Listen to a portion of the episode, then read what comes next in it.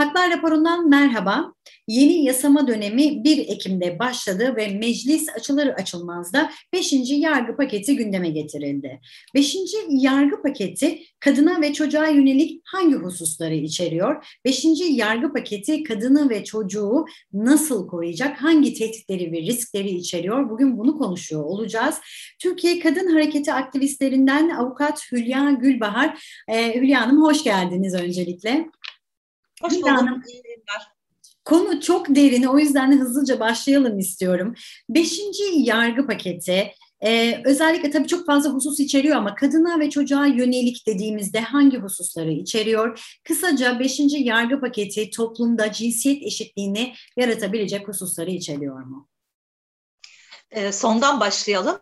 E, tabii ki şu anda iktidarın kadın erkek eşitliğini sağlamak, toplumsal cinsiyet eşitliğini sağlamak diye bir derdi yok. Tam tersine eşitsizlikleri derinleştirmek, pekiştirmek, kalıcılaştırmak gibi bir resmi programı var. Bu program aslında 2016 yılında mecliste kurulan boşanma komisyonu diye kısaca e, adlandırdığımız aile bütünlüğünün araştırılması, e, onu e, engelleyen faktörlerin ortadan kaldırılması gibi upuzun adı olan ama kısaca boşanma komisyonu dediğimiz komisyonun raporunda cisimleşmişti.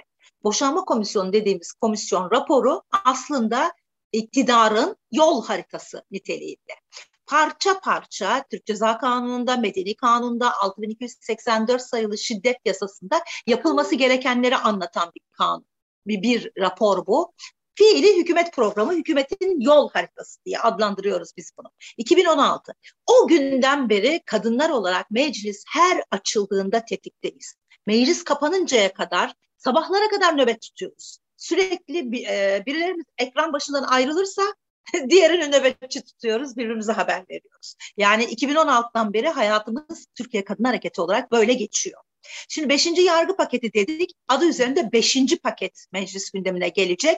Birinci paket 2019 yılında gelmişti. Her paketin içine boşanma komisyonu raporunda adlandırılan, e, sayılan e, konulardan bazıları giriyor, çıkıyor. Giriyor, çıkıyor. Ve kadın hareketi olarak biz onu oradan çıkartmak istiyoruz yasalaşsın istemiyoruz. Ee, bazı hak kayıpları. Şimdi beşinci yargı paketinde şu ana kadar açıklananlar var ama paketin kendisi ortada değil. Dolayısıyla evet. e, bu pakette örneğin şu ana kadar resmi olarak açıklanmış olanlardan bir tanesi çocuk haczi diye adlandırılan konu. Şimdi çocuk haczi bir algı operasyonu isimlendirmesi. E, nedir buradaki konu? Boşanma aşamasında olan, boşanmış olan ya da ayrılmış olan çiftlerde çocuk varsa, müşterek çocuk varsa bu çocukla babanın ilişkisinin e, şahsi ilişkisinin kurulması meselesi. Eğer bir şiddet tehdidi varsa çocuğa karşı, kadına karşı kadınlar e, icra müdürlükleri eliyle bu çocukların alınmasını istiyorlar. Yani bir pedagog, bir icra memuru, bir polis eşliğinde çocuğun anneden alınması ve anneye teslim etmesi sağlanıyor burada. Çünkü çocuk teslimi doğrudan doğruya çocukların ve kadınların can güvenliği ile ilgili bir konu.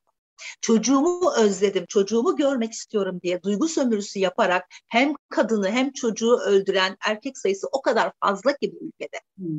Dolayısıyla eğer çocuk görüşüyle ilgili bir düzenleme yapılacaksa kesinlikle çocukların ve kadınların can güvenliğini sağlayacak bir formül olmalı bu.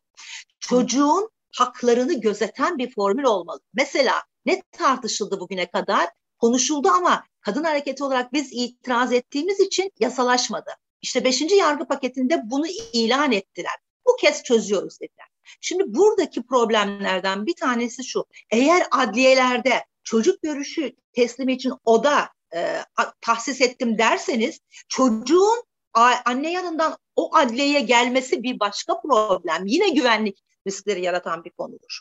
Ve ayrıca çocuğu evinden almak bir e, pratik çözümdür. Çocuğu adliyeye getirip adliyede teslim etmek ya da herhangi bir dışarıdaki mekana getirip teslim etmek hem güvenlik açısından hem çocuğun huzuru e, açısından e, uygun bir yöntem değil. İkincisi Burada sorun çıkarttığını iddia edilen kadınlardan velayetin alınması diye bir risk de var.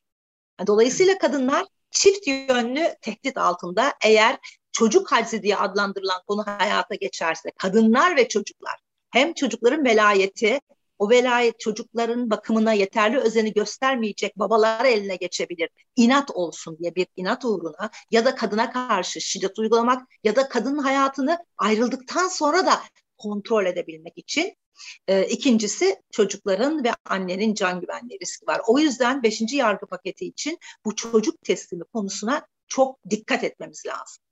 İlan edilen konulardan biri bu yani. Evet. E, Hülya Hanım tekrar e, e, kadına karşı olabilecek riskler açısından bakacak olursak. Beşinci yargı paketi. Çocuğu biraz daha belki e, ilerleyen dakikalarda tekrar konuşuruz ama e, kadına karşı kadınların korunması ve özellikle cinayetlerin önlenmesi noktasında hangi hususları içeriyor? Şu ana kadar bu konuda yapılmış hiçbir açıklama yok. Paketin kendisi de ortada olmadığı için biz yapılan resmi açıklamalar üzerinden e, değerlendirme yapıyoruz şimdi. Beşinci yargı paketinde yer alacak denen e, konulardan bir tanesi e, babayla çocuğun kişisel ilişkisiydi az önce anlattığımız evet. gibi. İkincisi de her yargı paketinde tekrar gündeme gelen boşanan kadına verilecek yoksulluk nafakası meselesi. Hı. Bu da deklare edildi. Beşinci yargı paketinde artık bu konuyu çözeceğiz diye. E, bu ise milyonlarca kadını e, şiddet dolu evliliklere mahkum etmek anlamına gelen, kadına karşı ekonomik şiddet oluşturan, kadının ev içi emeğini görmeyen bir düzenleme olacaktır. Burada süresiz nafaka diye yine bir algı operasyonu yapılıyor. Halbuki nafaka süresiz değil. Kadın işe girerse, kadına miras kalırsa, kadına sosyal güvenlik kurumundan bir maaş bağlanırsa ve benzeri nedenlerle kesiliyor zaten ölümle otomatik olarak bitiyor ya da evlenmekle kadın evlendiğinde otomatik olarak mahkeme kararına gerek yok. Bitiyor nafaka.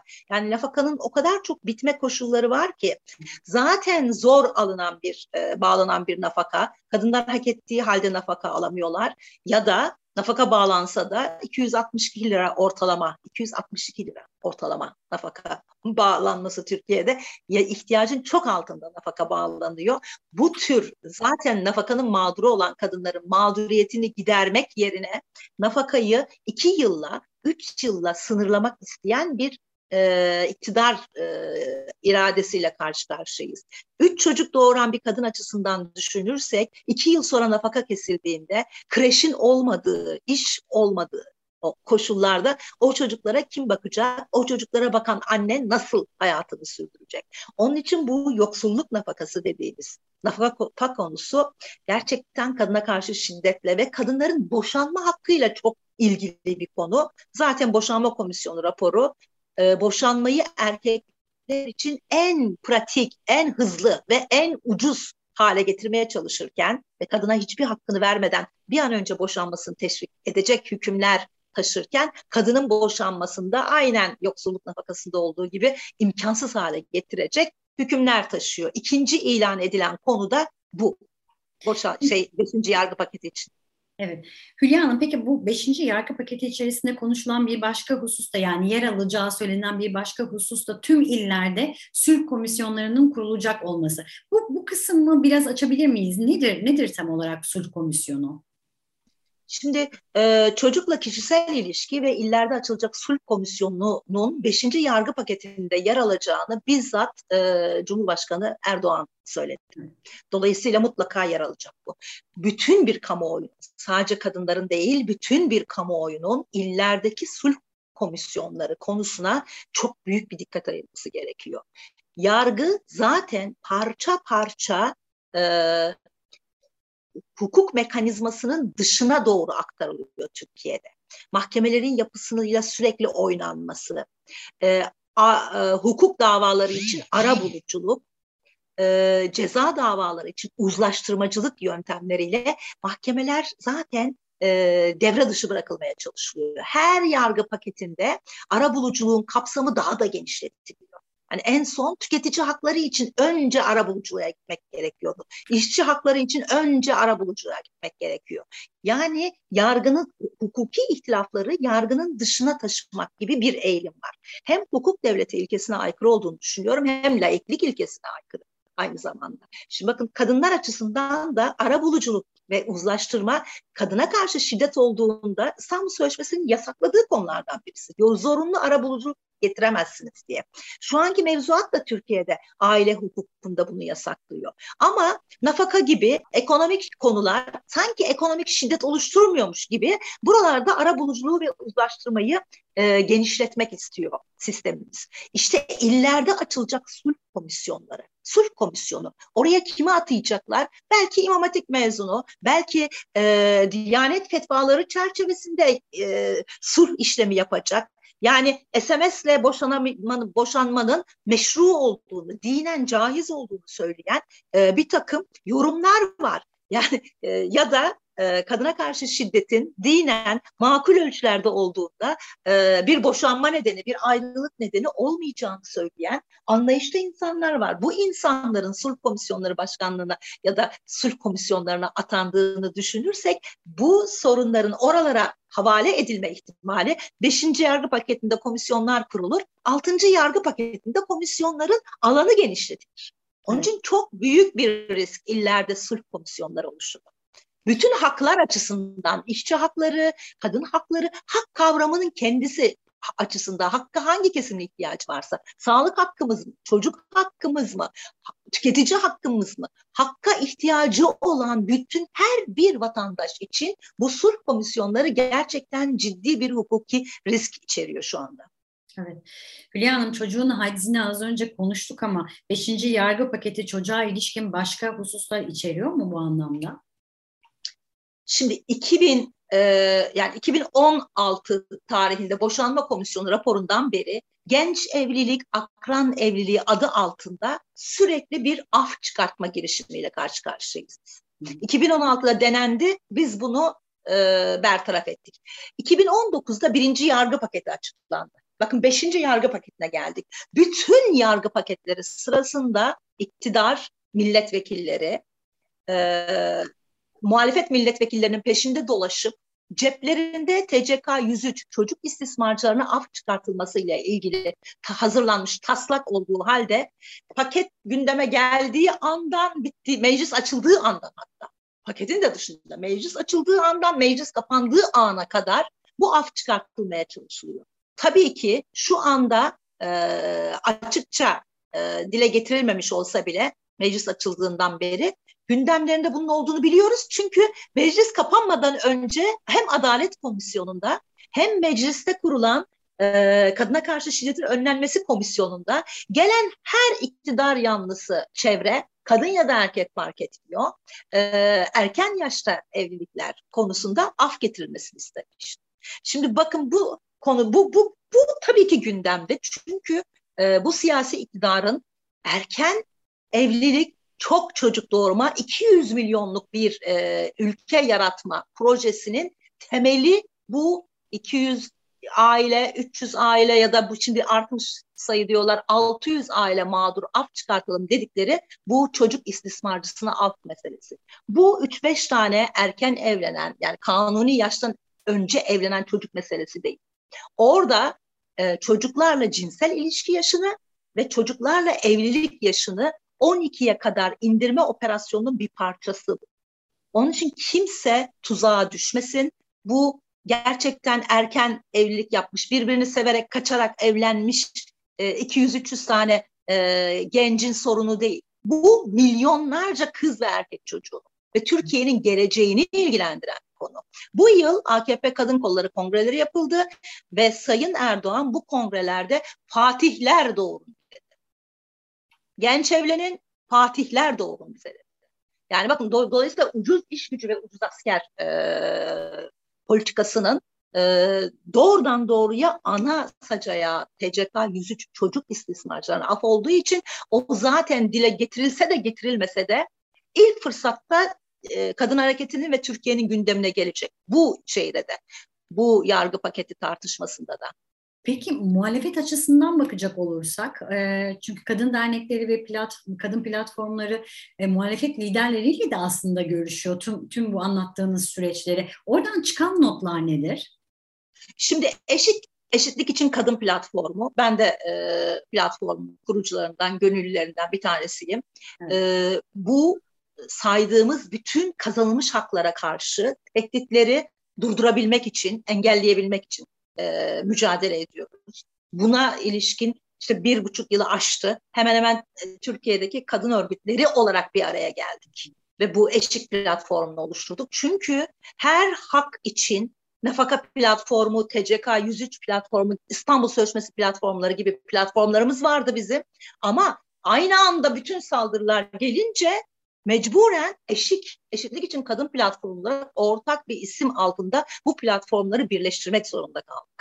Şimdi birleşik halde hep beraber e, muhalefet partileriyle görüşüyoruz. Muhalefet partileri çocuk hacizi denen konuda, akran evliliği denen konuda bütün bunların algı operasyonu olduğunu, arkasında gerçekten muhafazakar bir toplum modeli e, kız çocuklarının erkenden eğitimden alınarak e, çok çocuk doğurması üzerine kurulu. Erkeğin gerekirse kadını hızlı bir şekilde boşayıp nafaka da ödemeyip ikinci bir kadınla evlenip ondan da en az üç çocuk doğurduğu bir e, üreme e, politikası üzerine kurulu toplum modelinin hayata geçirmesi olduğunu muhalefete de anlatmaya çalışıyoruz. Şu ana kadar e, Cumhuriyet Halk Partisi Emek Partisi, Kadın Partisi ile görüştük. E, yarın e, HDP ile görüşeceğiz. Er, ertesi günü de e, Gelecek Partisi Sayın Davutoğlu ile görüşeceğiz. E, bütün partilerle görüşmeye devam ediyoruz. Tabii iki paralel görüşme yürüyor şu anda Eşik platformunda. Bu görüşmelerden birisi e, siyasi parti liderlerini ve e, siyasi partilerin hem kadınlarla ilgili hem diğer konularla ilgili kadrolarıyla iki düzeyde görüşme yapıyoruz.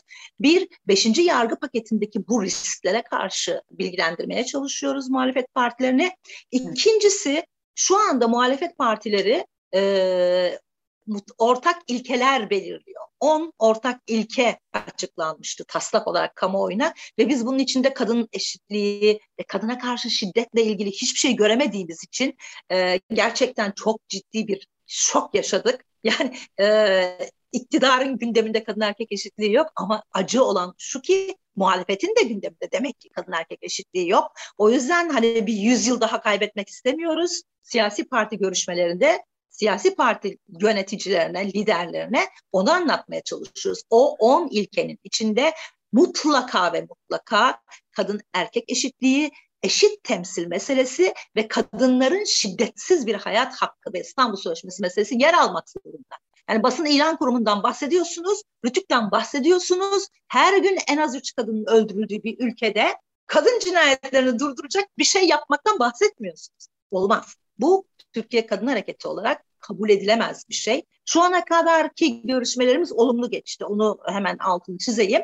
Ee, bundan sonraki görüşmelerinde olumlu e, geçeceğini umuyoruz. O ilkeleri yazan komisyon sadece erkeklerden oluşuyor. O komisyonun yapısı değişmeli. O komisyona kadın verilmeli ve o komisyonun ilkelerinden bir tanesi nasıl ki e, Rütük'e basın ilan kurumuna siz bir şey ayırıyorsunuz, bir madde ayırıyorsunuz. Kadınların sorunlarına da bir madde ayırmak zorundasınız. Bunu anlatmaya çalışıyoruz. Umudumuz var. Söylediğiniz her şey çok değerli ama ben e, tabii ki size şunu da soracağım. Biraz bahsettiniz ama e, sizin de söylediğiniz gibi her gün Türkiye'de e, gün geçmiyor ki bir başka cinayette karşılaşmayalım. Ne yapılması gerekiyor acilen? acilen yapılması gereken, atılması gereken adımlar nelerdir? Özellikle kadın cinayetlerinin durdurulması noktasında.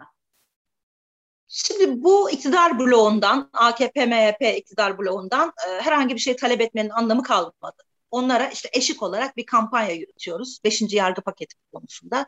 Herkesten yani iktidara oy versin vermesin bütün muhalefet partilerinden herkesten yasalara dokunma uygula adını verdiğimiz bu kampanyaya destek bekliyoruz. Neden böyle dedik? Çünkü yasalarımız küçük bir bir takım rötuşlar yapılabilir ama gerekmiyor. Yani yapmasak da olur. Burada önemli olan o yasayı uygulama iradesi. Yoksa hani anayasanın 10. maddesi varken ya da 17. maddesi herkes maddi ve manevi varlığını geliştirme hakkına sahiptir. 17. madde o kadar güzel bir madde ki anayasanın 17. maddesi. Benim en sevdiğim maddesi e, anayasanın. O madde orada e, dururken devlet bütün yurttaşlarının kadın erkek olduğuna bakılmaksızın, cinsel yönelime, cinsiyet kimliğine bakılmaksızın, ana dilinin ne olduğuna bakılmaksızın e, hep herkesin yaşama hakkını maddi ve manevi olarak kendini geliştirme hakkını sağlamak zorunda. Buna uygun yaşam koşulları oluşturmak zorunda. Devletin görevi bu. Ona karşın o maddenin dışında da işte 6284 sayılı şiddet yasası dahil yasalarımız var. Hepsi güzel. Ayrıntıları zaman içerisinde değiştiririz. Onun için şu anda e, sloganımız dokunma yasalara uygula. Çünkü yasalara dokundukları anda e, bakın katalog suçlarla ilgili tutukluluğu somut delil şartına bağlayacağız dediler. Herkes hayal kurdu. Nasıl hayal kurabiliyorsunuz ki Türkiye'de? E, düşünce suçluları için artık somut delil aranacak gibi bir hayale düştü e, muhalefetin bir bölümü. Hayal kuracak bir şey yok. Fatura yine kadınlara ve çocuklara çıktı orada. Katalog suçları içerisindeki cinsel istismar suçları ve tecavüz suçları için de somut delil şartı getirilmiş oldu yasa değişikliğinde. Yani dokundukları anda bozuyorlar. Onun için yasalara dokunmayıp uygulamak gerekiyor. Muhalefet iktidardan yani dokunma uygula deyip geçiyoruz iktidar bölümünü. Asıl muhalefet çok önemli burada. Muhalefete o kadar çok iş düşüyor ki seçmenlerine topluma anlatmak, İstanbul Sözleşmesi'ni anlatmak, 6284 yasa, sayılı yasayı anlatmak, kadınları, kadın erkek eşitliğini anlatmak, cinsel yönelim, cinsiyet kimliği nedeniyle hiç kimseye ayrımcılık yapılamayacağını, nefret söylemi üretilemeyeceğini topluma anlatmak çok önemli. Muhalefet partilerinin görevi bu. Eğer muhalefet partileri belediyelerdeyse kendi bulundukları belediyelerde, kendi e, çevrelerindeki STK'larda, kendi gençlik kollarında İstanbul Sözleşmesi'nin bütün hükümlerini uygulamak zorundalar. İstanbul Sözleşmesi Türkiye'de yürürlükte. Evet. Şu anda Türkiye taraf, taraf devlet olmaktan çıktı İstanbul Sözleşmesi'ne. Onunla ilgili davalar da henüz derde, Danıştay'da sonuçlanmadı o davalar. 6251 sayılı onay kanunu yürürlükte İstanbul Sözleşmesi. Dolayısıyla anayasaya aykırılığı ileri sürülemeyecek bir kanun hükmünde. Dolayısıyla muhalefetin her yerde hani spor kulüplerinden üniversitelerine kadar herkesin İstanbul Sözleşmesi'ni uygulamak için yapması gerekenler var. Araştırma yapacak üniversiteler, veri toplayacak üniversiteler, siyasi partiler kendi e, bulundukları her yerde sözleşmenin eşitlikle ilgili hükümlerini anlatacaklar. Belediyeler sığınak açacak, kadın danışma merkezi açacak, cinsel şiddet kriz merkezi açacak belediyeler. E, 6284 6251 sayılı yasa gereğince İstanbul Sözleşmesi'nde bu hükümler var. Kaldı ki belediyeler kanunda da var Türkiye'nin sığınak açma yükümlülüğü. Nüfusu 100 bini geçen bütün belediyelerin sığınak açması lazım. Açmıyorlar. Yani muhalefeti de burada eleştirmemiz lazım. Bütün muhalefet partileri e, şey yapsa, sığınakları açsa en azından muhalefetin olduğu belediyeler kadınların can güvenliği için bir fırsat sunmuş olacak kadınlara. Onun için muhalefete de sesleniyoruz, kamuoyuna sesleniyoruz. İstanbul Sözleşmesi'nin uygulanması için 12 adım broşürümüz var Eşik web sayfasında. Görevinse yap, görevin değilse görevi olandan talep et diyoruz. Hülya Hanım çok çok teşekkür ediyorum değerlendirmeleriniz için. Her biri çok değerliydi. Haklar raporunun Haklar raporunda bu bölümde 5. yargı paketinin kadını ve çocuğa nasıl koruyacağını ve 5. yargı paketinin bu anlamda hangi hususları içerdiğini konuştuk. Görüşmek dileğiyle.